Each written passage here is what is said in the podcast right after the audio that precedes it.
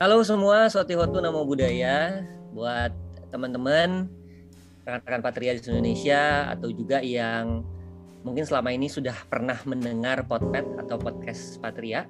Dari episode terakhir Podpet ada lumayan ya ada beberapa bulan sampai akhirnya uh, saat ini kita lagi ngumpul-ngumpul lagi dan ngobrolin sesuatu yang sebenarnya sudah cukup lama ada mengemuka tapi belakangan mulai menghangat kembali karena banyak orang yang mulai menyatakan pendapatnya. Dan karena topik ini cukup sensitif, uh, mungkin saya perlu kasih disclaimer lagi di awal bahwa apa pun yang kita obrolkan di sini sifatnya adalah obrolan santai, obrolan ringan dan Patria secara khusus tidak mengendorse atau tidak condong atau mendukung uh, salah satu di antara keduanya. Ya, jadi mungkin eh, teman-teman sekalian yang dengar bisa uh, melihat secara objektif dan netral. Nah, kenapa sih kok sampai segitunya? Karena yang mau kita obrolin saat ini adalah child free. Child free itu apa sih? Child free adalah keputusan seseorang atau sepasang suami istri yang tidak mau punya anak secara sadar mereka tidak berkeinginan untuk punya anak walaupun mereka berhak karena udah menikah dan karena hukum di Indonesia uh, mempersilahkan mereka untuk bisa punya anak dan walaupun mereka juga mampu secara biologis seperti itu. Nah, nggak adil rasanya kalau uh, saya selaku apa nih host gitu ya atau selaku operator dalam podcast selama ini itu tidak ikut menyampaikan uh, pendapat pribadi. Secara pribadi memang sebagai laki-laki ya uh, posisi saya dan mungkin posisi laki-laki lainnya itu agak agak apa ya agak lemah gitu ya. Karena apa? Karena kan laki-laki tidak mengandung ya. Laki-laki tidak mengalami proses hamil dan persalinan. Jadi semau maunya laki-laki untuk punya anak ya tetap harus menjadi keputusan bersama dengan istrinya gitu tapi kalau saya secara pribadi sampai sejauh ini sudah diputuskan bersama istri saya untuk kayaknya nggak punya anak deh gitu dan banyak orang yang menganggap bahwa keputusan seperti ini adalah keputusan yang krusial, keputusan yang tidak lazim dan keputusan yang aneh gitu ya. Karena apa? Karena kan kata orang wajarnya itu seseorang setelah dewasa menikah punya anak dan meneruskan hidupnya dengan merawat anak, membesarkan anak, kemudian pada saat sudah tua giliran anaknya yang mengganti atau merawat orang tuanya. Tapi kalau saya secara pribadi dan dengan beberapa uh, diskusi yang sudah saya lakukan dengan pasangan saya, nah kayaknya itu nggak jadi pilihan deh. At least untuk saat ini. Oke, cukup untuk saya. Dan di sesi potpet pada kali ini seperti biasa ada beberapa teman-teman yang kita undang untuk ngobrol-ngobrol juga. Yang pertama ada Caca. Silakan Caca memperkenalkan diri. Mungkin ada yang belum kenal. Halo. Ya, uh, panggilannya Caca. Uh, saya besar di ibu kota Jakarta jadi uh, saya rasa pemikiran uh, judul podcast kali ini cocok nih sama kaum urban, apalagi lagi jadi cerita yang diangkat banget. Itu. Oh. Ya, silakan dilanjutkan. Kalau Caca sendiri boleh tahu nggak?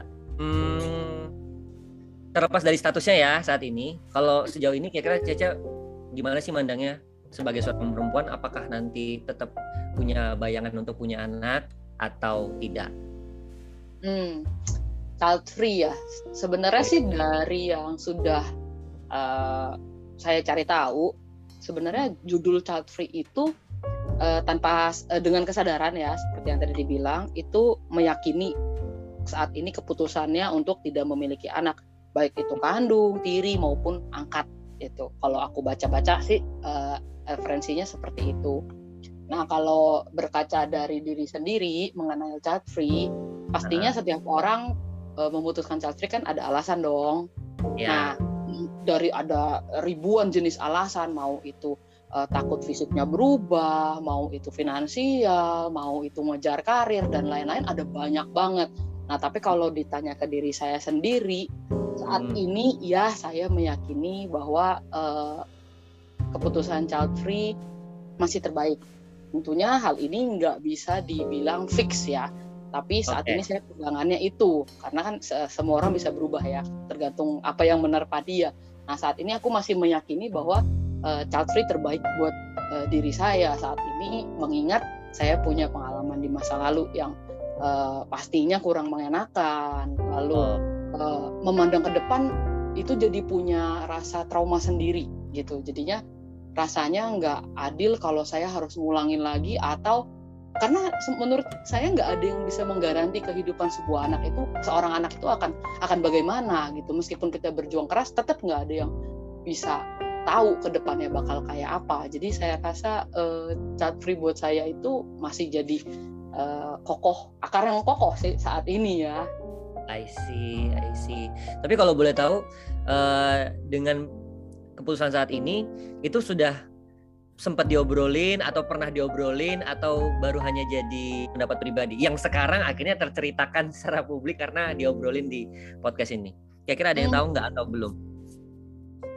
kalau diumumin secara publik sih enggak ya karena kan uh, sebelumnya juga nggak pernah diundang podcastnya Five Four Three Two One itu ya yang viewnya banyak jadi jadi uh, kalau secara publik ya terus terang pasti enggak enggak pernah yang di share gimana tapi kalau orang-orang terdekatku mungkin mengetahuinya karena terus terang uh, hal-hal seperti ini saya cukup tegas kalau ditanya soalnya Oh, oke. Okay. Uh, jadi jadi kayak uh, ya mungkin sekeliling ngeh gitu bahwa wah Cici berpikir seperti itu mah nggak nggak heran lah dia memang dari dulu ada bibit-bibit bobot untuk bicara ke arah sananya gitu. Tapi kalau untuk secara umum ya enggak juga kan bukan oh. untuk cari bahan untuk dimension kalau di publik gitu. Oke. Okay. Jadi tadi uh, Caca ada sempat bilang kalau lingkungan sekitar Caca juga lumayan ngeh, relatif ngeh ya ada yang berkomentar tidak ngeh nggak atau ada ada yang mengkontra itu nggak? Pastilah. Banyak atau lebih banyak yang ngeh? Um, karena kita tergantung. Sekarang tergantung lawan bicaranya. Kalau oh. kalau kita ngobrol sama lawan bicara yang uh, apa namanya masih ya pastinya kan pengalaman kita beda-beda ya. Kebanyakan hmm. kebanyakan dari yang saya ajak ngobrol uh, mereka yang uh, lahir di keluarga yang cenderung uh, harmonis gitu ya aman damai lah sama keluarga dia aku merasa mereka tetap berharap memiliki ingatan kenangan dan impian yang baik juga untuk penerus selanjutnya artinya berumah tangga dan memiliki keturunan gitu. Uh. tapi kalau bicara sama yang mungkin se seperasaan sepenanggungan gitu ya mereka hmm. juga punya perasaan yang oh iya ya emang iya bener ya. Nah yang kayak gitu. Jadi kalau dibilang uh, banyak atau dikit ya tergantung kita bicaranya sama siapa. Tapi kalau mau dibikinin persentase pasti lebih banyak yang menolaknya. Ah lebih banyak yang menolak ya jadi mungkin buat teman-teman yang dengar uh, dan mungkin juga yang tahu atau yang mungkin pernah berinteraksi yang mungkin tahu ya pembawanya Caca seperti apa dan uh, benar banget seperti yang dia ceritain tadi mungkin uh, di lingkungan sekitarnya juga banyak yang tahu yang ngeh bukan berasumsi tapi menangkap bagaimana sih pembawaan seorang Caca yang the one and only itu. Oke, okay. by the way, um, karena topik ini juga memang lumayan sensitif ya, jadi uh, kita sempat gelagapan nih mencari bintang tamu. Nah, kebetulan selain saya sendiri di sini selaku moderatornya gitu ya. Uh, ada Caca juga. Caca kalau boleh tahu statusnya sekarang masih single atau Ya, masih belum menikah. Oke, masih belum menikah ya. Oke, berarti uh, posisinya belum menikah dan begitu juga dengan bintang tamu kita yang kedua akankah ada bintang tamu ketiga? Ya mungkin nanti kita lihat ya karena ini Kamengo. Bintang tamu Potpet kali ini yang kedua ada saya biasanya manggilnya uh, Komek gitu. Padahal nama lengkapnya adalah boleh memperkenalkan diri? Halo, halo semua. Uh, saya Michael Kirana. Oke. Ko Michael uh, kebetulan sekarang sama-sama dengan saya di DPP Patria dan Ko Mike kalau boleh tahu uh, sekarang statusnya masih single, tahu? Uh, masih, masih. Oke. Jadi teman-teman yang dengar udah udah me, mendapatkan gambaran ya kalau kebetulan narasumber kita atau bintang tamu kita saat ini dua-duanya kebetulan masih belum menikah ya masih belum menikah berarti ya seperti kayak tadi Jaja bilang apakah nanti bisa ada yang berubah uh, pada saat setelah menikah dalam sisi pola pikir atau keputusan bisa saja. Oke, nah sekarang kalau tadi saya sudah tanya ke Cia mengenai pandangan dia, apakah nanti dia uh, ingin punya anak atau tidak dan uh, seterusnya. Kira-kira kalau dari Ko sendiri bagaimana? Sebagai seorang laki-laki yang saat ini sedang single. Apakah nanti Komek punya gambaran ingin memiliki anak atau punya pandangan, pandangan yang berbeda? Silakan. Ya, uh, tadi juga seperti dari teman-teman ya dari uh, Sis Caca, Koko Dragon, uh, itu saya juga setuju ya tadi yang dengan Koko Dragon. Kita sebagai pria mungkin posisinya agak uh, bukan ke decision maker kalau dari sudut pandang saya ya. Nah, saya lebih tetap pasti kita akan uh, menghargai mostly pendapat dari uh, pasangan ya dari wanita karena dia yang lebih incas dan bahkan dia yang terlibat langsung gitu. Itu satu. Cuma menarik karena uh, topik ini sebenarnya saya sudah dari beberapa tahun yang lalu saya punya beberapa kawan yang sudah merit itu memutuskan untuk tidak uh, memiliki anak. Ada yang sementara ada yang bahkan memang tidak mau sama sekali. Sudah uh, bulat keputusannya untuk uh, tidak mau. Itu uh, cuman di keluarga keluarga saya ke, uh, kebanyakan masih dengan latar belakang um, merasa punya sudut pola pikir uh, memiliki keturunan atau penerus itu merupakan suatu hal yang wajib suatu hal yang uh, bagus bahkan dikatakan berkah gitu.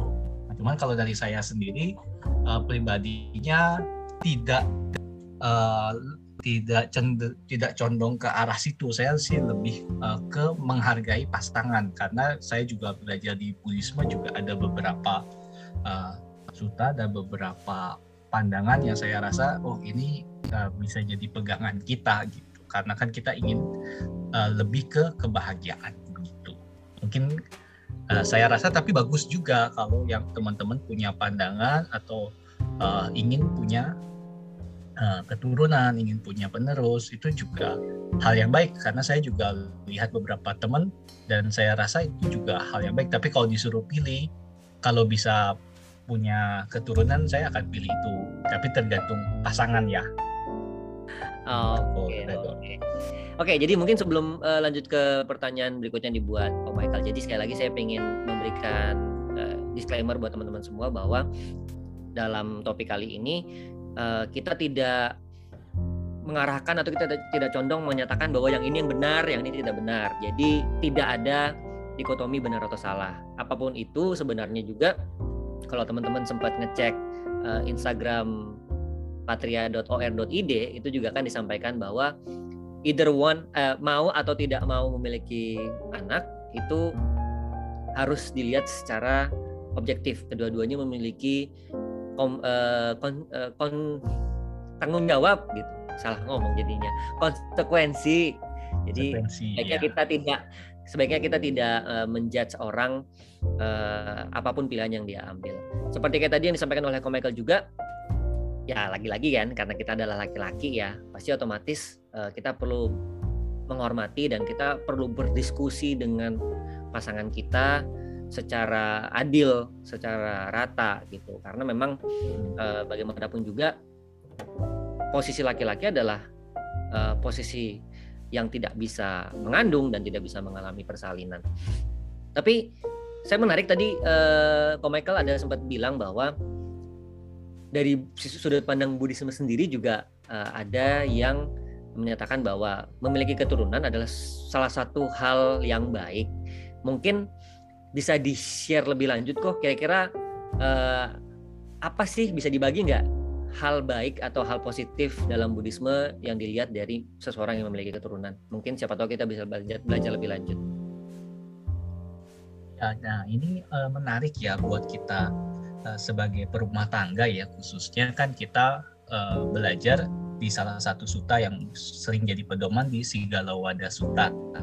Nah di Sigala Wada Suta itu uh, satu percakapan antara dua, uh, sang Buddha dengan seorang pemuda bernama Sigala. Nah ini ada dua poin yang saya rasa menarik di sini. Jadi satu adalah bagaimana uh, menghormat kepada arah utara itu merupakan perumpamaan bagaimana seorang anak menghormati orang tua dan orang tua menghormati anaknya. Nah ini menarik karena uh, seseorang sebagai orang tua itu ada satu hak dan kewajiban tersendiri yang juga itu uh, menjadi berkah buat uh, anak-anaknya seperti orang tua itu memberi pendidikan, memberi uh, pengajaran, kemudian juga mencintai anak-anaknya. Nah, itu merupakan uh, bentuk uh, satu berkah yang bisa dimiliki jika sebagai orang tua karena kita punya anak yang mana kita bisa uh, bimbing, kita bisa arahkan bahkan di keyakinan beberapa keyakinan saya juga ada kawan-kawan mengatakan itu merupakan satu kebajikan atau pahala yang luar biasa besar karena orang tua uh, yang kita semua pasti memiliki orang tua ya itu uh, jasanya sungguh besar. Begitu juga sebagai anak ada eh, pahala-pahala atau hak dan kewajiban yang bisa kita lakukan baik uh, pada saat masih hidup seperti menjaga nama baik keluarga, kemudian kita juga uh, menjaga apa yang sudah diberikan oleh orang tua, kemudian pada saat orang tua sudah meninggal, kita tidak lupa juga untuk mengingat jasa-jasa kebajikan dan melimpahkan uh, pahala atau kebajikan yang kita lakukan. Nah, di suta yang sama, menarik yang kedua ini ke Dragon, ada kewajiban suami dan istri.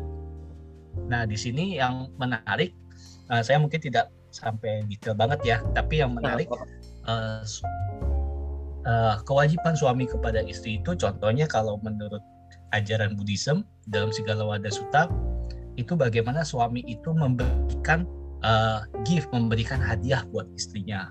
Kemudian dia juga mencintai istrinya setia kemudian juga uh, memperlakukan istri, istri maupun keluarga istrinya dengan baik.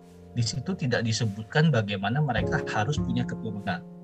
Begitu juga sebaliknya hak dan kewajiban seorang istri itu adalah menjaga pemberian suaminya, kemudian menghormati, menghargai keluarga dari uh, suaminya, menjalankan tugasnya dengan rajin dan lain sebagainya, dan tidak ada uh, hak ataupun kewajiban seorang istri untuk uh, mengandung atau mempunyai keturunan. Jadi uh, di dua suta, di satu suta yang sama ini uh, kedua opsi itu menurut yang saya tangkap itu kembali ke pilihan dan dua-duanya adalah hal yang baik selama kita bisa menjalankannya dengan baik begitu.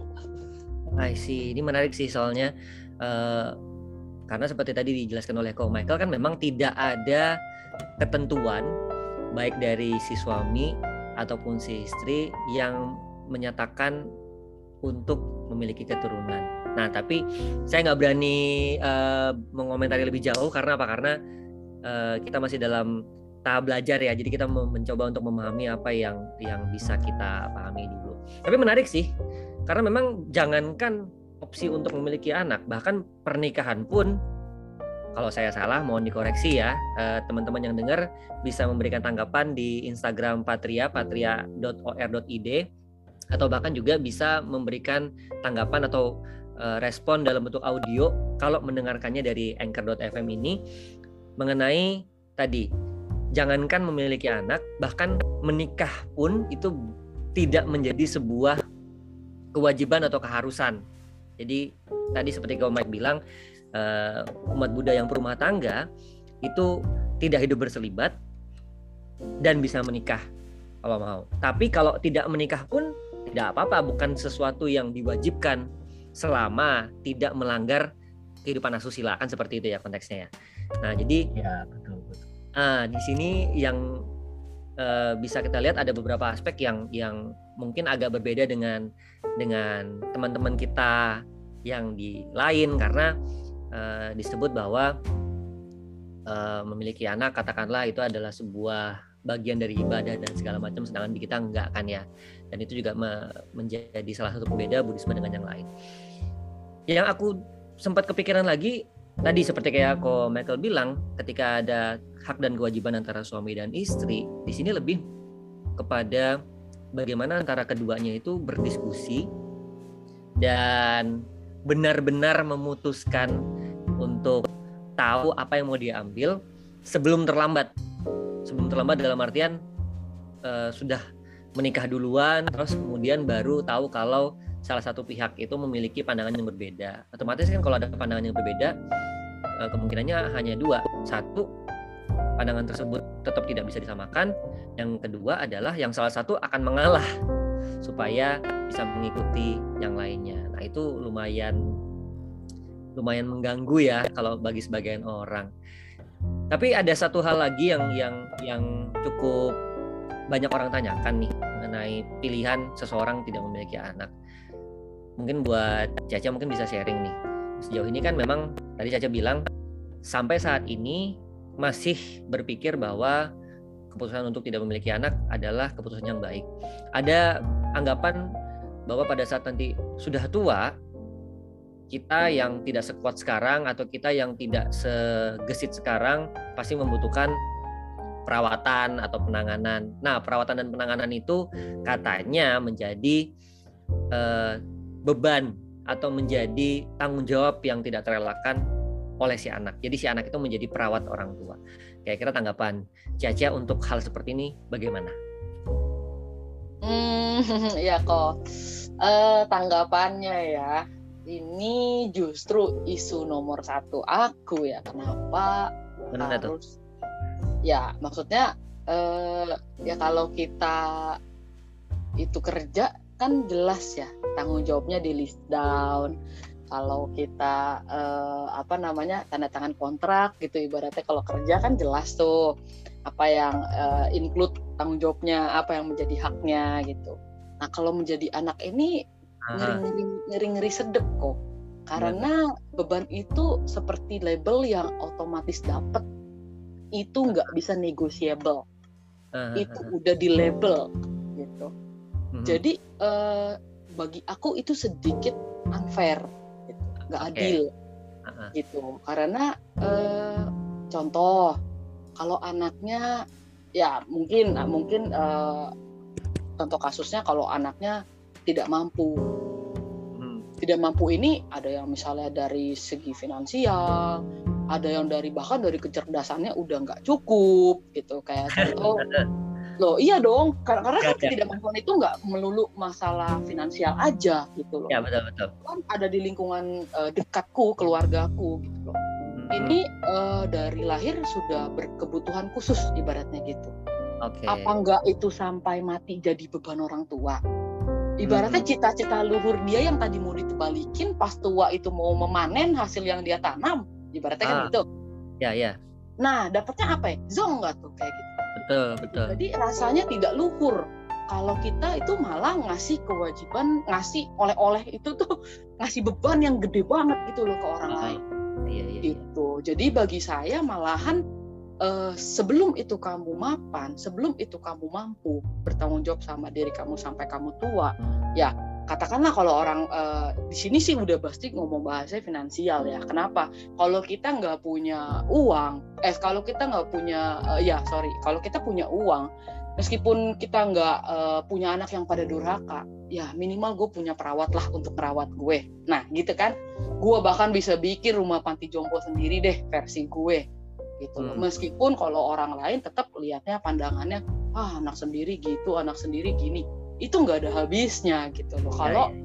label masyarakat itu tetap ngebebanin ke anak kandung atau anak lah sebutannya. Karena juga ada di sekelilingku yang uh, bukan kandung. Tapi kan pasti target ke depannya cita-cita luhur orang tuanya tadi kamu saya gedein ya untuk kamu balas budi gitu kan ya iya gitu jadi saya kok rasanya nggak adil gitu saya rasanya nggak adil uh, mendengar ini gitu. Tapi uh, kalau kita dari sisi uh, agama Buddha mau ngomongin berbuat baik, mau ngomongin itu adalah perbuatan yang sangat uh, berkah utama, itu tidak mungkin saya again saya sangat setuju.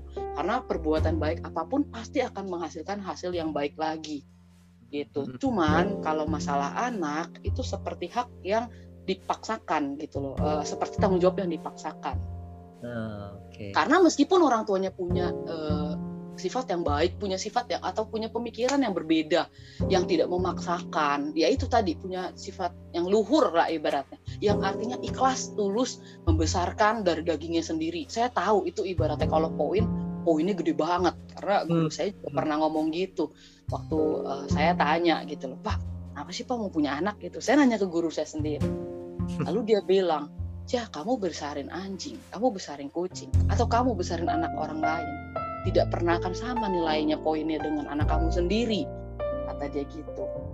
Jadi uh, saya setuju saya sepakat uh, tentang itu gitu loh. Tapi ya tadi uh, berat bagi seorang manusia untuk tidak berharap atas hasil panennya atas hasil yang ditanamnya gitu.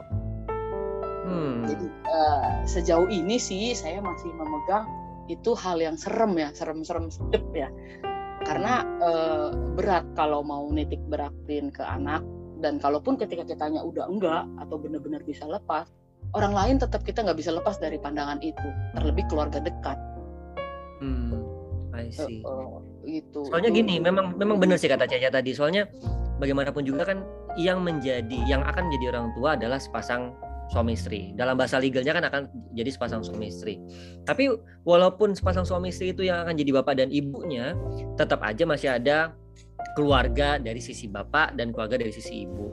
Itu baru dari keluarga. Bahkan di luar daripada itu juga masih ada lingkungan masyarakat, masih ada lingkungan sekitar, ada kenalan atau bahkan ada netizen. Misalnya kan zaman sekarang ada netizen. Jadi ketika seseorang mengambil keputusan apakah tetap uh, seperti biasa standarnya norma-norma sosial punya anak ataupun tidak pasti akan selalu ada komentar pasti akan selalu ada uh, kritik ada sinisme bahkan uh, sekedar respon-respon yang nyeletuk-nyeletuk kadang nyelekit itu juga pasti ada sih jadi iya. ya lagi untuk teman-teman uh, yang sekarang mungkin sedang dalam persimpangan mau apa tidak atau masih melihat ada potensi untuk berubah ya jangan lupa semua ada konsekuensinya. Ya kayak tadi yang Caca bilang pasti ada yang ngomongin pasti ada yang nyeletukin. Ada orang yang punya anak satu diomongin punya anak dua diomongin punya anak tiga diomongin nggak punya anak diomongin gitu kan ya. Ya nggak salah ya Cia ya. Kok minum susu dari botol hama enggak aja diomongin kok? Buset.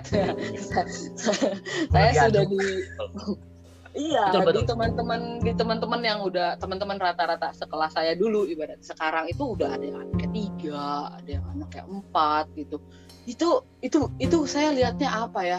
Kalau mereka punya waktu, eh lu punya setengah jam deh, ayo deh gue aja kabur deh kalau perlu gue temenin deh, ayo kita ngobrol apa kek supaya lu bisa jadi diri lu sendiri gitu loh. Ya, ya, ya, itu ya, ya. saya saya banyak saya banyak lihat sisi beratnya gitu loh gitu. Hmm. bukan bukan mungkin bukan masalah mampu nggak mampu. Apa sih yang kita nggak mampu jadi manusia sebenarnya? Kita mau yeah. hadapin kita pasti mampu kalau kita mau bener kan? Apalagi kita udah pakai cinta di dalamnya. Aku yakin gitu loh. Uh, uh, ada ada cewek yang takut karena mungkin karena dia model badannya nggak mau rusak dia kejar karir dan sebagainya. Aku bukan alasan itu gitu loh. Aku siap seperti itu kalau memang aku mau menjadi ibu dan ketika pikiranku sudah fokus dan mengerti tanggung jawabnya sampai aku mati.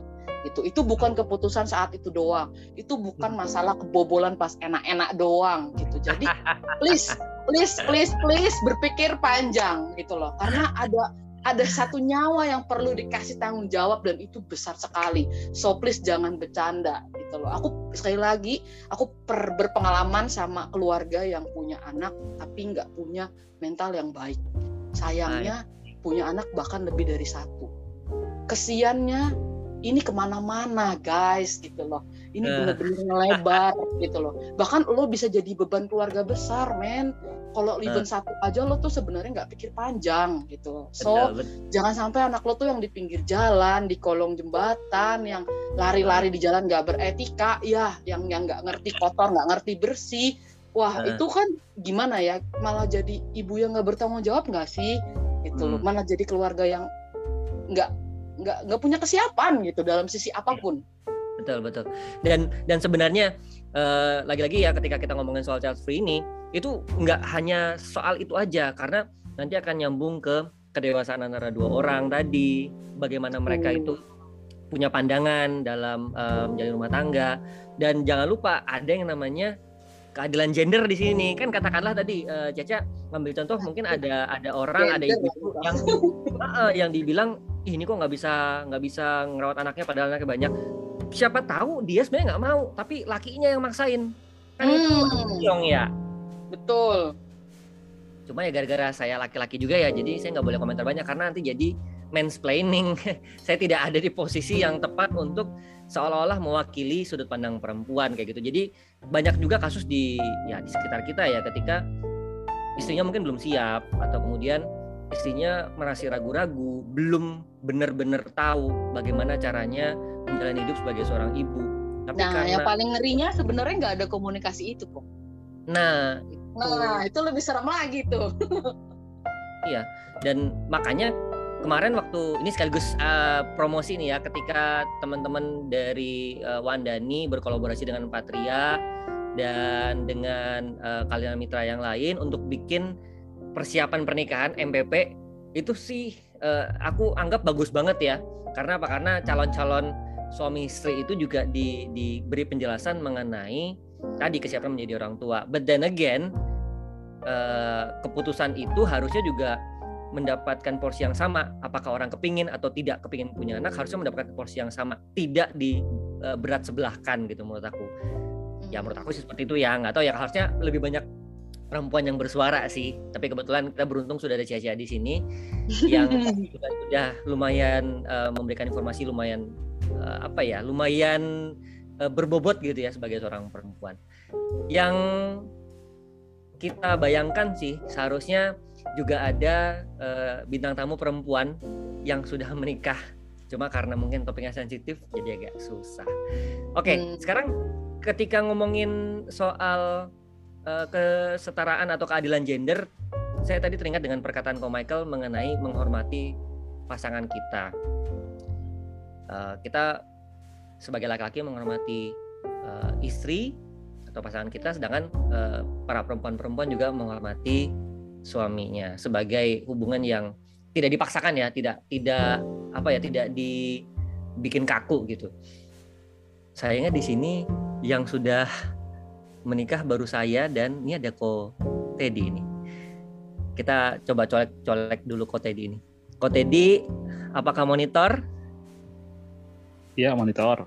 Oke, jadi kita sudah ada bintang tamu ketiga saat ini nggak tanggung-tanggung langsung ada ketum di sini ada ko Teddy. Silakan mungkin uh, untuk pendengar yang belum kenal Koko boleh diperkenalkan diri. Iya halo uh, semuanya. Thank you para pendengar podcast uh, podcast Patria ya podcast. Dan ada host kita Dragon dan juga teman-teman semua nih. Ada siapa? Caca dan Michael ya udah gabung bersama. Wah thank you banget. Dan juga uh, ya malam ini saya Teddy.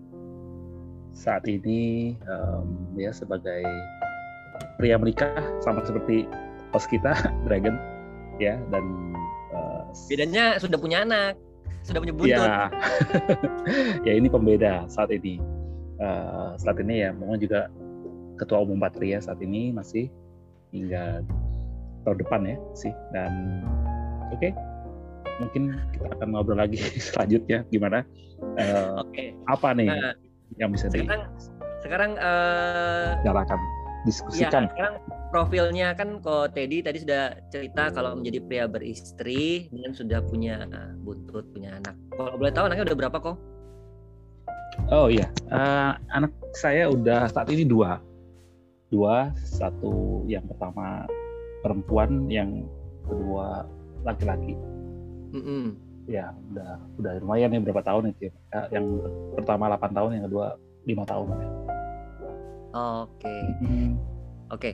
jadi kalau menurut Koko tadi setelah nyimak pembicaraan kita di awal mengenai uh, ada pandangan yang mungkin lebih nyaman untuk child free tapi ada juga yang uh, nyaman menjadi orang tua pada umumnya. Nah, kalau menurut Ko Teddy men menyikapi hal itu bagaimana? Kan siapa tahu yang sudah senior menikahkan kok Teddy nih di sini nih? Punya pandangan apa nih yang bisa di-sharing ke kita? Sebagai orang tua maupun sebagai pasangan? Ya, ya mungkin sebagai orang tua dan pasangan ya. Mungkin mulainya dari apa ya kalau kita uh, ya itu kan masing-masing soal child free ini memang baru baru terkuak dan uh, agak ramai dibicarakan ya karena ada isu yang ya salah satu youtuber lah ya tahu bersama dan uh, mungkin ini juga bagus untuk menjadi apa ya pemantik sih sebetulnya untuk setiap pasangan uh, suami istri terutama ataupun bahkan yang belum bersuami istri yang akan menikah gitu. Jadi ada semacam uh, mungkin bisa dibicarakan di awal ya sebelum menikah visionnya ke depan apa gitu. Benar gak ya? Kalau yang belum menikah kan oh, ternyata pasangan gue nggak terlalu uh, prefer punya anak ya. Ternyata kalau gue mau nih wah ini udah benih ketidakcocokan jangan-jangan gitu kan ya. Sebelum ada uh, apa namanya kan bagus juga untuk dipertimbangkan. Apakah jangan-jangan visionnya sama nggak untuk bagaimana membangun suatu rumah tangga yang ideal untuk masing-masing gitu kan? Uh, jadi tidak di tengah jalan baru terjadi wah gue nggak mau nih gue mau gitu kan. Nah ini ini uh, juga istilahnya bagus gitu suatu uh, pemantik ide juga buat apa ya uh, salah satu topik yang bisa disiapkan untuk diperbincangkan uh, gitu. Saya ya saya lihat anak muda zaman sekarang uh, lebih terbuka ya untuk membicarakan hal ini dan uh, mempersiapkan segala halnya gitu. Uh, kalau saya juga melihat sih dari ada beberapa hal yang uh, ketika sudah menikah gitu ya untuk putusan untuk punya anak itu saya membagikan misalnya untuk dari segi mungkin ya itu dia. Seperti yang Cece bilang ya sisi mungkin sikap seseorang itu terpengaruh dari latar belakang.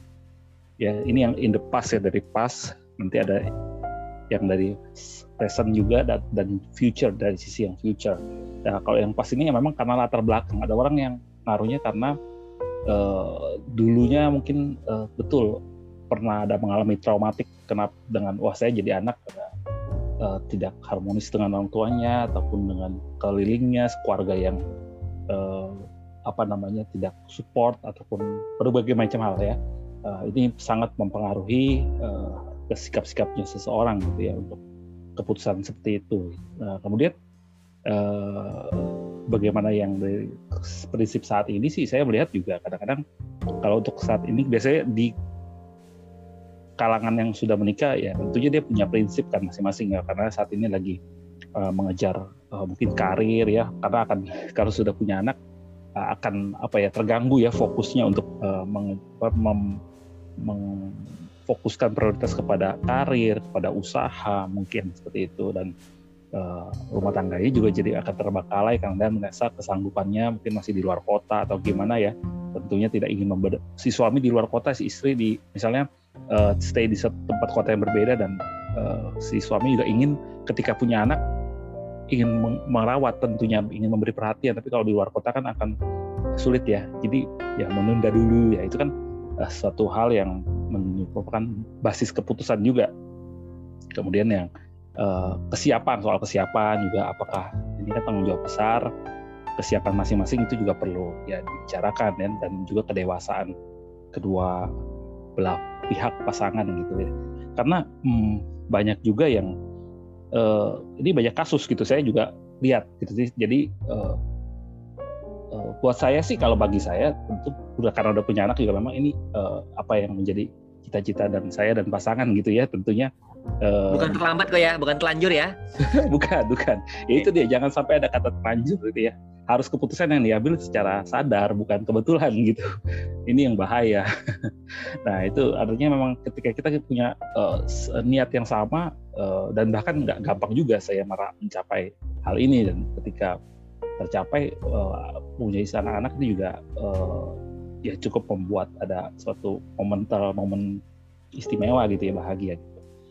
Ya banyak kasus yang memang artinya uh, si uh, soal teman ini juga teman saya kasus uh, si suaminya punya apa artinya dia sudah punya anak tapi ternyata anaknya uh, apa ya di, di, di ke, mengalami kekerasan karena nggak tahu ya mungkin karena pandemi juga ya jadi stres terus kalau lagi belajar tuh dia suka kesel dipukulin dicubitin gitu ya uh, motifnya jadi dan dia nggak sayang sangat tidak sayang dan uh, akhirnya meninggalkan istrinya dan anaknya juga gitu. Uh, yang ujung-ujungnya karena memang baru menikah sekitar satu atau dua tahun. Kemudian akhirnya ini karena uh, terjadi motifnya karena si suami pun juga uh, punya ketertarikan lain mas dengan dengan mungkin wanita lain begitu istilahnya. Jadi uh, masalah udah ketidaksiapan. Ya itu dia. Apalagi kan? Nah, ternyata belum siap dengan pasangan ditambah sudah punya anak. Ini kan makin gawat kan? Nah ini jadi banyak yang terkorbankan. Nah itu seperti itu jadi uh, kesiapan ini kan sangat penting uh, di sisi sekarang ya kita nah kemudian okay. kalau di sisi masa depan itu kan ada uh, bagaimana orang itu punya cita-cita uh, luhur mulia ingin menjalankan sisi spiritual tentunya nggak mau punya belenggu ya jadi kita tahu belenggu melekat gitu kan atau kemelekatan yang uh, anak-anak ini juga salah satu yang mungkin bisa menghalangi ataupun uh, apa ya men, sedikit menyulitkan gitu mungkin untuk uh, mencapai hal ini gitu kan. Kemudian juga ada juga orang yang pinginnya punya anak karena ya, mungkin nanti saya ingin mewariskan sesuatu kebaikan-kebaikan yang saya sudah rintis. Ya ini kan motif yang artinya dia ingin ada sesuatu hal kebaikan ini dilanjutkan oleh siapa? Anaknya begitu. Uh, kemudian uh, untuk economic problem juga pasti tentu akan dipikirkan gitu ke depan apakah kita siap atau enggak gitu kan. Ini dipikirkan juga soal uh, kesehatan. Ada yang wanita dari sisi wanita ya. Uh, ada wanita yang mungkin worried kalau ketika ini ada uh, nantinya biasanya setelah uh, punya anak ada mungkin ada permasalahan di rahimnya atau apa mungkin ada uh, bahkan banyak juga ya cancer gitu kan tentang kanker rahim cervix itu segala macam.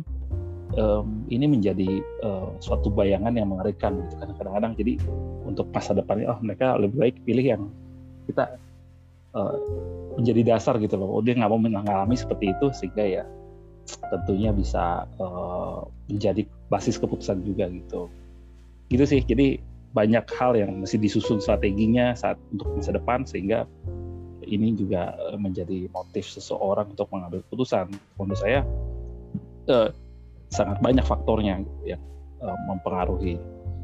Seperti itu sih. Oke, thank you kok. Jadi uh, mungkin sebelum saya lanjutin, saya pingin, ini saya mau uh, mencoba untuk memperjelas lagi. Ada satu hal yang penting banget buat buat saya tekankan di sini entah saya dibilang sok tahu apa apa tapi terserah yang jelas kalau eh, kalian atau anda adalah pasangan gitu ya suami dan istri jangan pernah jangan sampai pernah menganggap bahwa punya anak itu akan memperbaiki masalah yang ada dalam rumah tangga anda. Anak itu jangan dijadikan sebagai uh, gratifikasi untuk kayaknya kalau sudah punya anak bakalan baik-baik aja deh. Kalau misalnya katakanlah ada istri punya suami yang agak-agak kurang-kurang gitu ya, entah kurang dari kesetiaannya atau kurang dari integritasnya sebagai seorang suami, jangan pernah uh, beranggapan bahwa kalau ntar punya anak mungkin dia ntar jadi baik. Enggak, jangan. Itu Anda berjudi dengan kehidupan orang lain, yaitu anak Anda sendiri. Saya ngomong begitu ya karena seperti kayak tadi mungkin cerita dari Kotedi ada kasus yang jamak kita lihat di sekeliling kita dan lagi-lagi walaupun saya laki-laki saya menganggap bahwa itu nggak adil baik untuk si ibu si perempuan yang dalam kasus itu disakiti maupun bagi si anak yang dihadirkan tujuan awalnya adalah untuk mengubah sang suami. Itu ada gambling banget. Ya. Kalau misalnya saya salah fight me. Saya tunggu ya. Jangan pokoknya. Betul kok betul. Itu betul nggak salah. Nah itu. Nggak enak pokoknya ya. Karena seperti kayak tadi Ciacia bilang di awal, kita dilahirkan nggak ada yang minta. Kita dilahirkan nggak ada yang uh, apa namanya benar-benar bisa ngapling ah gue mau minta dilahirkan di keluarga di Amerika Serikat. Nggak ada. Kita tahu-tahu udah lahir gitu dan karena kita sebagai seorang Buddhis kita tahu bahwa keterlahiran kita itu adalah karena keterkondisian. Dan keterkondisian itu sayangnya adalah sesuatu yang harus kita hadapi. Mungkin karena uh, timbunan karma baik atau karma buruk yang pernah kita lakukan sebelumnya. Ya jangan sampai kita menjadi tokoh atau menjadi uh, subjek yang memunculkan objek baru.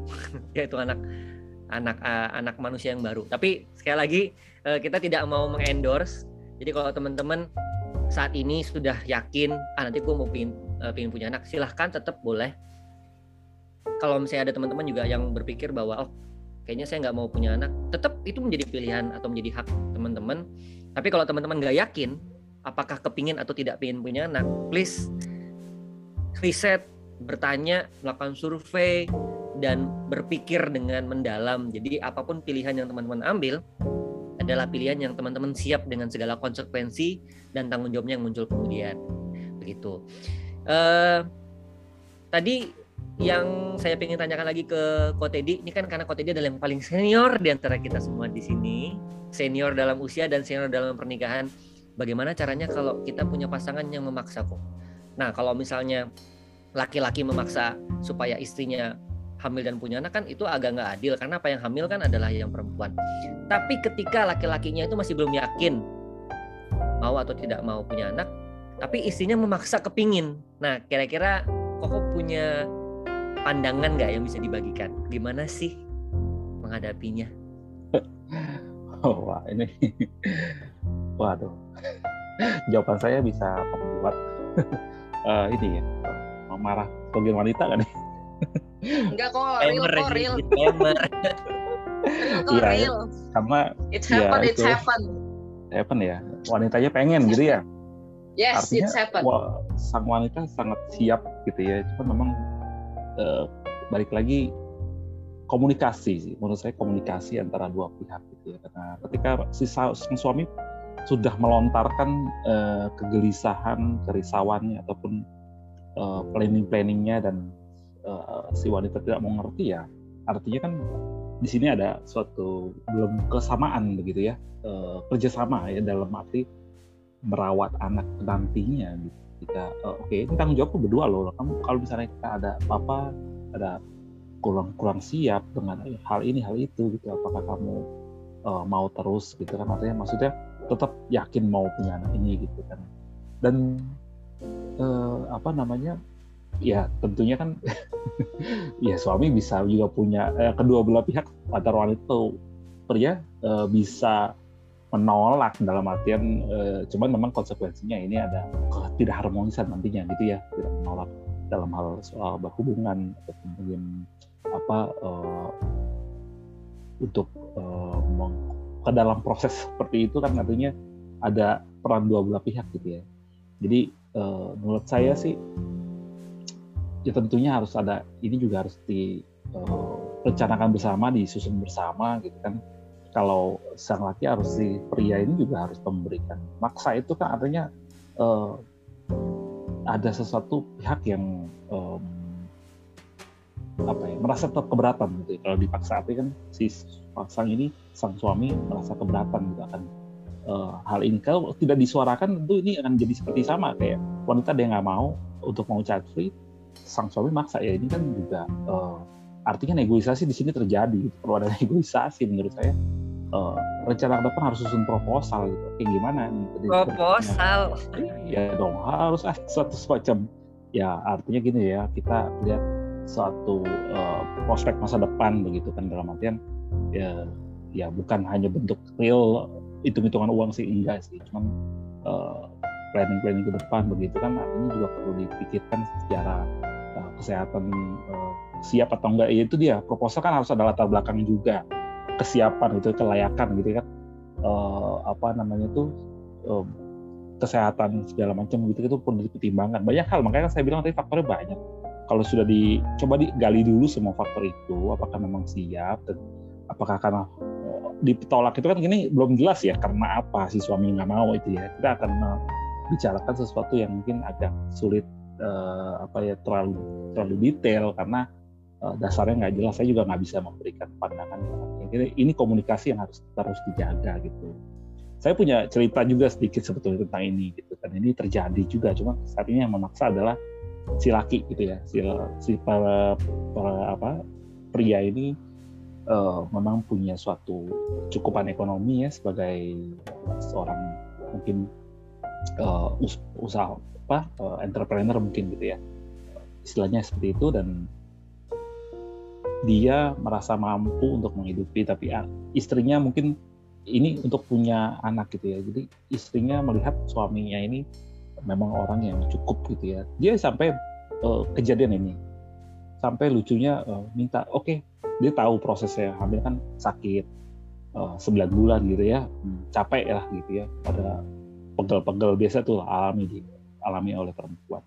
Pegel tuh sampai dibawa jalan-jalan kan karena kandungannya beratnya terus posisinya uh, artinya nanti akan harus harus mengalami berbagai proses. Mungkin kalau normal apalagi ya uh, perjuangan gitu ya mempertaruhkan ini nyawa juga gitu.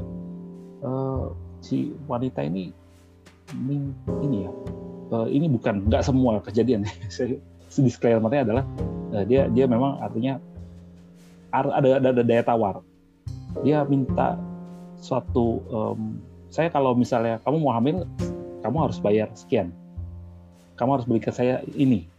Artinya dia juga mau uh, mencapai punya sesuatu tujuan gitu ya. Sehingga dia punya ini. Tapi selama ini mungkin karena sang laki juga uh, dalam tanda kutip mungkin pelit selama ini gitu. Jadi dia memanfaatkan momen ini untuk uh, mendapatkan cita-cita yang dia inginkan dalam hal ini materi gitu ya. Ini dia ingin mencapai ingin mendapatkan satu perhiasan tertentu misalnya tas tas mewah tertentu atau mobil atau apa gitu ya. Dan uh, ya ketika hal ini disepakati ya artinya oke. Okay. jadi uh, ya tentunya kita lihat ini nggak bijaksana tapi ini terjadi gitu kan.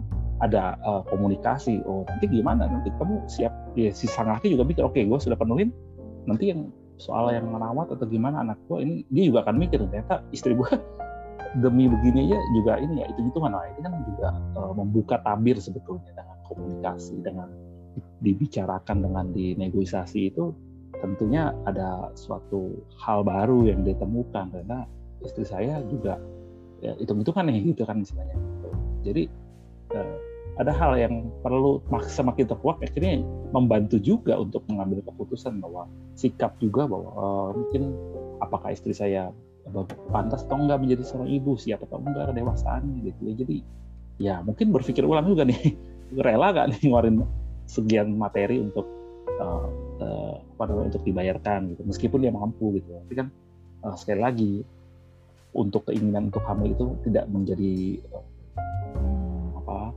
uh, suatu nanti ingin punya anak ini bukan menjadi keinginan yang sungguh-sungguh dari si perempuan itu nanti apakah yang berikutnya akan uh, dia akan merawat dengan penuh kasih sayang atau enggak itu ya dikhawatirkan. Jadi mungkin si laki juga akan berpikir ulang gitu. Ya, ini strategi si perempuan juga kan gitu ya. Nah jadi jadi bukan hanya dengan kasih sayang tapi kasih duit gitu. Ya tidak jadi perlu perlu ada ya strategi sih. Balik lagi akan lebih baik diungkapkan uh, jika memang seperti itu akan melihat gitu pasangan kita seperti apa. Sehingga ya, ya itu terjadi lah. Kalau memang lebih baik diungkapkan kita juga masing-masing daripada mumpuk-mumpuk-mumpuk gak tahu sama sekali juga konflik kan sama ya mendingan utarakan keinginan masing-masing supaya saling menghargai dan tahu sudut pandangnya sih Oke, begitu. Dan itu tadi ya, Kotet, Kotedi sebagai yang paling senior di sini dari dari sisi usia dan uh, pengalaman pernikahan. Di sini ada dua orang lajang dan dua orang yang tidak lajang. Nah, sekarang uh, mungkin ini lebih ke apa ya, ke pandangan pribadi. Kalau dari misalnya dari uh, Ko Michael nih, kan kebetulan kan uh, tadi juga sempat menyebut tentang menghargai pasangan. Kira-kira kalau dari pandangan Komekel sendiri nih ya, atau yang pernah terpikirkan atau yang uh, ber, ber, ber apa namanya ber beresonansi dengan dhamma misalnya, how atau bagaimana cara kita itu uh, mencoba untuk mencapai kesepakatan kali ya kalau ngomong uh, tentang hal ini dalam sisi dhamma, karena jujur aja memang uh, di Buddhisme sendiri kan tidak ada pemaksaan yang macam-macam atau tidak ada kewajiban atau tidak ada ketentuan yang yang saklek mengenai hal ini. Nah, mungkin kira-kira dari uh, Komek ada ada ada opini nggak yang bisa di-sharing bagaimana cara kita itu benar-benar tahu bahwa yang kita inginkan atau yang kita bicarakan itu udah benar dengan uh, pasangan kita dari sisi dhamma gitu. Karena kalau nggak salah kan ada enam atau lima kondisi karakter yang sebaiknya dimiliki seseorang ketika mencari pasangan. Hidupnya kan seperti itu ya. Mungkin bisa di uh, disampaikan opininya Om Mike. Iya jadi uh, setuju sih sebenarnya sama teman-teman semua di sini ya karena uh, dengan berbagai sudut pandang ataupun pertimbangan-pertimbangan tentu setiap orang setiap individu itu punya pertimbangan sendiri. Cuman kalau di Buddhis dari beberapa dari guru yang pernah uh, guru saya sempat menyampaikan juga bahwa uh, contoh misalkan seperti memiliki anak itu bukan suatu keharusan tapi pilihan. Nah di sini uh, pilihan itu bukan benar atau salah, tapi kita cocoknya seperti apa. Dikatakan oleh guru saya itu sama seperti kita memilih agama. Jadi bukan kita sebelum memilih kita nggak akan yakin 100% juga mungkin sebelumnya ini udah the best buat kita atau belum. Tapi kita perlu pelajari, kita perlu telaah, kemudian uh, kita jalani. Nah, terus kalau dari segi damanya sendiri, dari guru saya ngajarkan ke saya juga ada empat yang uh, perlu diperhatikan dalam kita uh, pasangan ya mencari pasangan yaitu yaitu kalau di dalam uh, Pali Wacana dikatakan uh, sama sada, sama sila, sama caga, sama panya. Jadi setara dalam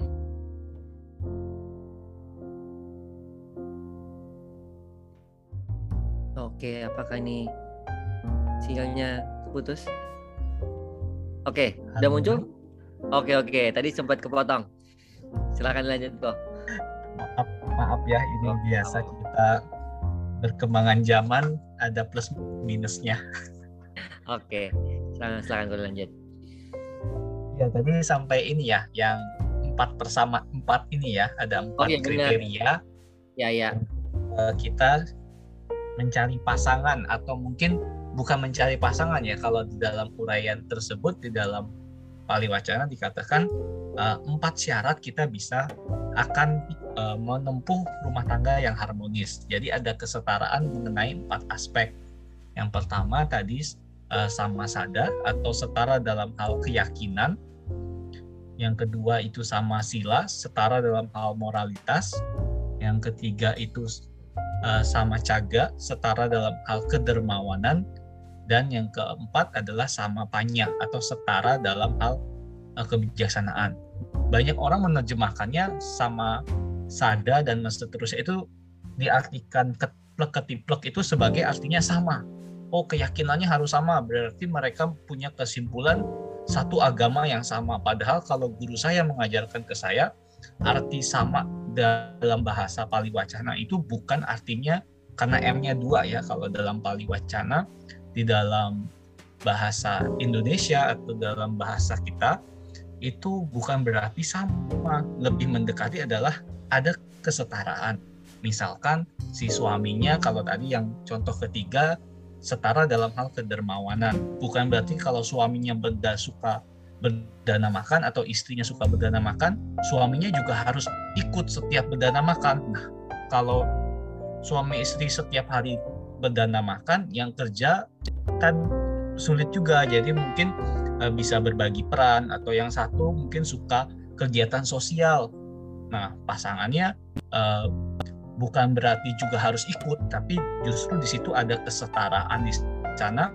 Dia bisa menghormati menghargai apa yang menjadi keputusan pasangannya. Misalkan tadi kalau istrinya yang suka kegiatan sosial sangat loyal dalam hal uh, berbagi. Nah, si suami ini mungkin fokus dalam hal pekerjaan, tapi dia bisa memberikan uh, menghargai dan bahkan mendukung, mensupport apa yang menjadi uh, kedermawanan dari si istri. Jadi dia juga ikut dermawan, bukan berarti harus ketiplek sama gitu. Ini yang sering disalah artiin oleh beberapa uh, anak muda khususnya. Jadi harus sama ini, harus sama itu gitu. Padahal bukan sama tapi setara. Contoh dalam hal keyakinan atau uh, sada di sada di sini bukan agama sebenarnya kalau kita bisa telaah lebih jauh uh, guru saya mengajarkan itu berarti kita punya pola pikir, kita punya cara pandang yang uh, setara atau frekuensinya sama. Nah, ini kita bisa sangat relevan dengan kehidupan kita bahwa kalau suami istri atau mungkin jangankan suami istri masih pacaran aja frekuensinya beda ya itu pasti akan ribut terus gitu. Jadi konflik terus sedangkan kalau frekuensinya sama walaupun yang satu mungkin fansnya Chelsea satu fansnya Manchester United ya tetap bisa harmonis gitu. Ya mungkin seperti itu. Oke oke itu menarik sih sebenarnya. Jadi uh, ini menarik dari penjelasan uh, Ko Michael tadi bahwa ini saya kesimpulan saya sendiri loh ya. Sekali lagi ini banyak disclaimernya dalam episode yang kali ini. Kalau berpacaran atau bahkan menikah dengan yang beda agama nggak masalah. Nggak ada ketentuan harus ya. Tapi yang jadi yang jadi uh, tamengnya di sini nanti bakalan kote ini ketika ada yang bilang kok podcastnya bahasnya begituan sih? Nah itu nanti silakan sampaikan ke ya diri ketum pula. Ketum soalnya. Jadi gitu teman-teman sekalian yang dengar. Jadi memang banyak hal yang unik banget di kita. Kayak tadi menikah itu nggak wajib. Tapi kalau misalnya uh, apa namanya ingin menikah pun itu tidak perlu harus yang seagama gitu kan? Dan itu mungkin bagi sebagian orang atau mungkin bagi banyak orang itu mengganggu. Kenapa mengganggu? Karena mengusik mengusik rasa nyaman gitu. Memunculkan rasa tidak nyaman. Dan uh, sekali lagi teman-teman yang dengerin uh, please take note kalau di sini kita tidak mengendorse apa pun. Semua itu adalah pilihan dan yang menjalani kehidupan anda adalah anda sendiri. Apa pun pilihannya silahkan dipikirkan dengan, dipikirkan dengan baik-baik. Yang menjadi kunci utamanya adalah apa pun pilihan yang Anda ambil, itu adalah pilihan yang benar-benar didasari oleh pemahaman dan pengertian. Nggak karena rasa takut, nggak karena dengar katanya orang, nggak karena kepingin, kepingin karena ngelihat orang gitu ya. Karena uh, ada hal yang lebih penting daripada apa yang orang lain tunjukkan, yaitu komitmen dan konsistensi kita dalam menjalani hidup.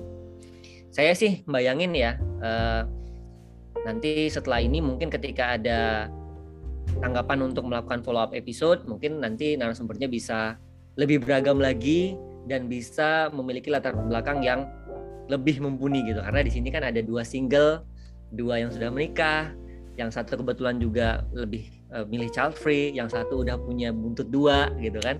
Nah ini juga menjadi uh, salah satu hal yang tricky. Anyway, um, karena sudah cukup durasinya, jadi sekali lagi dalam episode podcast kali ini kita tidak memberikan kesimpulan baik atau buruk, tapi kita memberikan sebuah perspektif ya buat teman-teman semua. Kalau ada yang belum kepikiran, mungkin setelah mendengar ini bisa mencoba untuk memikirkan sesuatu. Tapi kalau buat teman-teman yang sudah punya keputusan, itu bisa makin yakin dengan apa yang diambil dan siap menghadapi segala konsekuensinya. Benar kata Cia-Cia tadi di awal, kita jangan membebani manusia baru atau anak tadi dengan tanggung jawab yang mungkin dia nggak tahu, yang tidak adil untuk bisa dilimpahkan ke dia tanpa ada uh, preconditionnya di awal. Terus juga tadi mengutip uh, pernyataan dari Komik, lebih penting untuk kita menghargai pasangan kita daripada kita memaksakan uh. Dan yang terakhir pendapat dari Kotedi adalah yaitu mencoba untuk berkomunikasi dan memastikan bahwa keputusan yang kita ambil adalah keputusan yang mengakomodasi kedua belah pihak, laki-laki dan perempuannya tidak perlu mengakomodasi seluruh kecamatan gitu ya tapi mengakomodasi sepasang suami istri itu sendiri.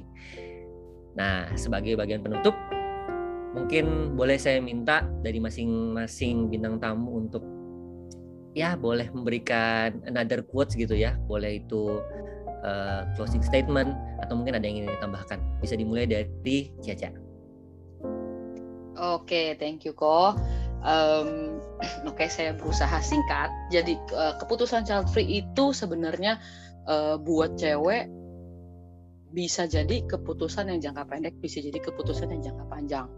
Kalau keputusan yang jangka pendek mungkin itu uh, berkaitan dengan misalnya tentang anak kandung ini ceritanya sepakat nih ya suami istri atau kita udah sama punya pasangan yang sepaham seia sekata gitu. Mengerti uh, semua plus minus dan semua penderitaan yang akan kita tanggung bersama uh, tentang anak nantinya itu uh, jangka pendeknya adalah uh, kalau cewek itu punya kondisi fisik yang mumpuni. Kalau kata orang di usia sekian itu grade A, di usia sekian itu grade B. Nah, itu perlu diperhatikan. Begitu juga dengan keputusan untuk tidak memiliki anak. Itu juga ada loh resiko biologisnya. Nah, ini uh, mungkin saya bukan di kapasitas dokter, tapi uh, dari hasil yang saya baca-baca itu juga ada ada ada ada apa ya? Ada efeknya. Gitu. Tidak semerta-merta dengan tidak menikah lalu tidak ada efek biologisnya ke ceweknya. Nah, itu juga ada.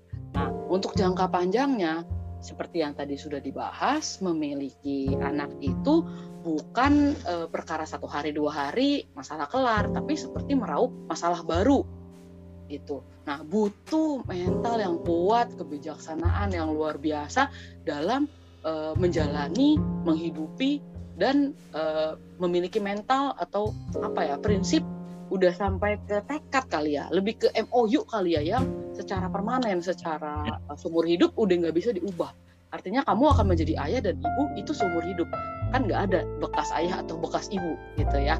Jadi uh, masalah anak itu uh, jangan diambil kesimpulan atau dijudge sebagai kata-kata saya saat ini sebagai pemikiran yang mutlak gitu. Padahal enggak, enggak seperti itu. Kalau saya nonton uh, banyak film, ada salah satu film Mimi judulnya di Netflix itu juga lucu. Itu suami istri yang pengen banget punya anak, tapi si cewek secara physically tidak mumpuni lagi. Dia membayar uh, satu perempuan di India yang dia feeding yang dia bayar lah. Dia bayar untuk uh, secara sehat tolong bantu keluarin anak saya gitu. Jadi uh, spermnya dan ininya udah secara proses prosedural uh, rumah sakit dan sebagainya itu dititipin di rahim perempuan lain. Nah itu juga ada loh kondisi seperti itu. Jadi ini sangat kompleks. Ada banget yang pasangan benar-benar punya tekad kuat pengen punya anak tapi nggak mampu, ada yang nggak sengaja, ada yang cuma satu pihak aja. Jadi ini benar-benar kompleks. Ini belum ngomongin dari uh, omongan netizen atau keluarga besar. Oh itu jauh lebih berat lagi, tapi itu nanti. Tapi start dari berduanya dulu. Betul kata Mike, betul banget kata Ko Teddy. Ini bukan perkara sendirian. Punya anak itu nggak bisa single uh, mother, tapi tetap ada jelas siapa bapaknya meskipun satu orang doang yang kepengen tapi nggak bisa lahir enggak bapak gue doang pokoknya enggak nggak ada mak gue. Enggak ada mak gue doang nggak ada bapak gue. Kan nggak bisa gitu. Itu udah satu paket satu kesatuan sepatu kiri sepatu kanan gitu.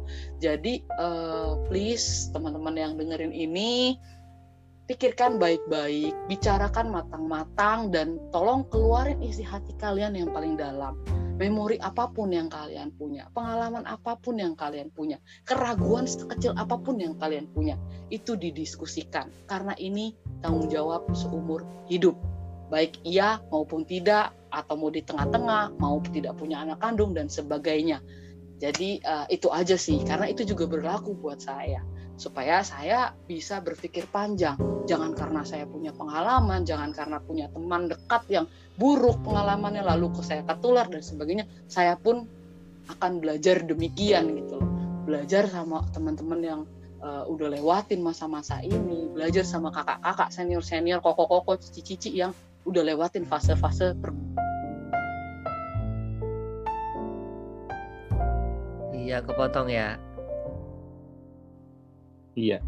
Oke, okay. oke. Okay. Sambil menunggu mungkin kita apakah akan menunggu Caca lagi? Sambil menunggu mungkin juga bisa uh, dari Komik deh untuk uh, closing statement atau tambahan. Ya, uh, thank you juga teman-teman semua yang mendengarkan podcast ini, podcast Patria. Kalau dari saya uh, pribadi mendoakan juga mengharapkan ya kita semua selalu sehat dan bahagia apa pun uh, keputuskan kita dalam hidup. Saya uh, ingat dengan salah satu quote dari Kung Fu Panda ya, kebetulan saya suka juga dengan Panda uh, dari Master Oakway ya, bahwa masa lalu itu adalah uh, takdir, masa depan belum datang. Yang perlu kita hadapi adalah masa ini atau yang sering kita kenal today is the present atau hadiah. Jadi kita perlu menghargai, menghormati apa yang sekarang kita miliki. Misalkan kita dengan pasangan, kita dengan keluarga, kita dengan uh, diri kita itu itu yang perlu kita hargai itu yang perlu kita hormati untuk itu yang perlu kita perjuangkan ya apa pun pilihan teman-teman apa pun nanti uh, perjalanan yang kita hadapi masing-masing saya yakin kita semua pasti uh, siap untuk uh, memahami dan siap untuk menghadapi konsekuensi apa pun yang kita pilih karena hidup adalah pilihan. Terus semangat seperti slogan Patria kita one spirit one dharma thank you. Oke, okay, thank you Kong Mike. Dan sebagai pamungkasnya nih sebagai penutupnya dari pamungkas dari Bapak dua anak. Silakan kok untuk closing statementnya di episode kita yang kali ini.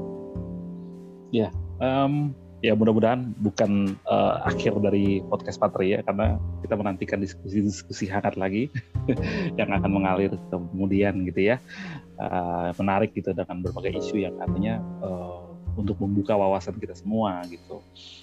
Uh, ya dari untuk sesi hari ini ya kita lihat uh, obrolan bermanfaat dan artinya membuka. Saya juga terus belajar bukannya artinya yang paling uh, paling betul gitu ya kita nggak menganggap itu tapi kita juga menghargai dan juga uh, melihat sudut pandang orang lain bagaimana kita melihat paradigma seseorang melihat uh, dasar-dasar keputusan dia gitu ya apa yang melatar belakangi itu kemudian bagaimana uh, dia melihat masa depan dan kembali lagi itu menjadi uh, sikap atau keputusan yang diambil dia saat ini gitu ya. Seiring waktu dia melangkah orang ini melangkah tentu akan uh, menuju pada mungkin perubahan sikap itu akan terjadi. Mungkin tadinya child free nanti uh, nggak nggak child free gitu ya. Jadi bisa berubah. Jadi uh, ataupun mungkin apa kalau sudah memutuskan nggak child free ya kan belum tentu langsung punya anak juga kan. Jadi uh, ketika lihat berujung berubah-berubah ada ada hal yang mengganggu ya bisa juga jadi tadinya uh, apa tadinya memang mau punya anak ya. Tapi akhirnya ketika melihat banyak kas, uh, banyak contoh-contoh yang mungkin tidak sejalan dengan pandangan dia akhirnya berubah. Nah, itu jadi ya yuk, yuk mulai mari kita jangan uh, fokus istilahnya atau ngegibah istilahnya jangan bicarakan tentang apa keputusan orang lain pro kontranya gitu ya. Tapi lebih gimana kita juga menghormati pilihan mereka ya. Tentu mereka punya dasar gitu ya. Dan uh, yang terpenting adalah bagaimana kita juga mengambil uh, memilih ataupun mempunyai sikap dari diri sendiri gitu yang uh, tentu juga jika sudah punya pasangan tentu harus uh, dikomunikasikan lebih lanjut dengan pasangan kita. Apakah keputusan ini juga karena ini akan mempengaruhi perjalanan uh, berdua gitu ya perjalanan antar pasangan ke depannya seperti apa gitu. Dan uh, ini decision makernya adalah di saat ini adalah ya kalian berdua. Navigasinya di, dikendalikan oleh uh, kedua pasangan ini gitu ya. Pasangan yang ini uh, mau ke mana, mau dibawa ke mana dan uh, mau jalannya berliku-liku atau mau smooth-smooth aja. Nah ini kan semua nentuin yang menentukan strateginya mau pilih laut harus ngomong berdua gitu. Kalau enggak mungkin salah satu akan keluar dari kendaraan cabut. Dan uh, ya udah gue mending gue pilih naik mobil lain aja. Nggak enak naik mobil ini gitu kan. Uh, mungkin seperti itu. Jadi ya ya itu adalah suatu konsekuensi dari apa yang sudah dikomunikasikan ya. Tentu juga uh, kita jangan uh, uh, ragu tapi ya ini adalah uh, step ataupun lang momen yang harus dia omongi harus dilalui dan jangan takut akan hasil itu. Dan tentu akan bisa diperbaiki dengan komunikasi dan juga uh, motif yang sama-sama uh, tujuannya uh, baik gitu ya. Artinya um, bukan jangan juga jangan menekankan ego masing-masing gitu. Artinya kita juga harus memikirkan uh, bukan ego diri sendiri yang ditekankan tapi ego artinya untuk kepentingan bersama yang lebih ditekankan. Itu sih yang bisa saya sampaikan malam ini gitu thank okay. you Kotedi terima kasih. Jadi dengan closing statement dari Kotedi juga mengakhiri episode Potpet kali ini dan saya yakin banget teman-teman yang dengar pasti mungkin ada tanggapan baik itu afirmasi atau juga kritik, sanggahan, bahkan mungkin ada yang ingin menolak karena apa? Karena masalahnya kan kompleks ya. Para orang tua yang sudah punya anak ada yang pengen punya cucu tapi kalau anaknya nggak mau punya anak jadi masalah keluarga. Nah kayak gitu-gitu ya. Sekali lagi kalau teman-teman ada informasi mengenai hal ini atau tanggapan bisa disampaikan lewat kanal media sosial milik Patria di Instagram @patria.or.id atau juga bisa uh, sampaikan pesan suara langsung di anchor.fm platform yang kita gunakan untuk merekam dan mengupload uh, podcast audio ini. Atau mungkin ada yang lebih nyaman dengan Japri. Silakan Japri tapi nanti saya harapkan yang mendapatkan Japri bisa menginformasikan kepada kita selaku tim produksi biar menjadi catatan ke depannya apabila ada episode follow up uh, setelah ini kita akan kabari di kanal-kanal media sosial kita semua. Terima kasih buat teman-teman semua. Semoga kita semua dalam keadaan sehat dan baik. Jangan sampai kita berada dalam kondisi yang menyusahkan atau menyulitkan. Dan kalaupun itu terjadi, mudah-mudahan kita mampu menghadapinya dengan baik. Terima kasih atas perhatiannya dan semoga semua makhluk hidup bahagia. Sampai jumpa di, di episode berikutnya. Yo, bye-bye. Bye. Thank you, thank you. Sudah.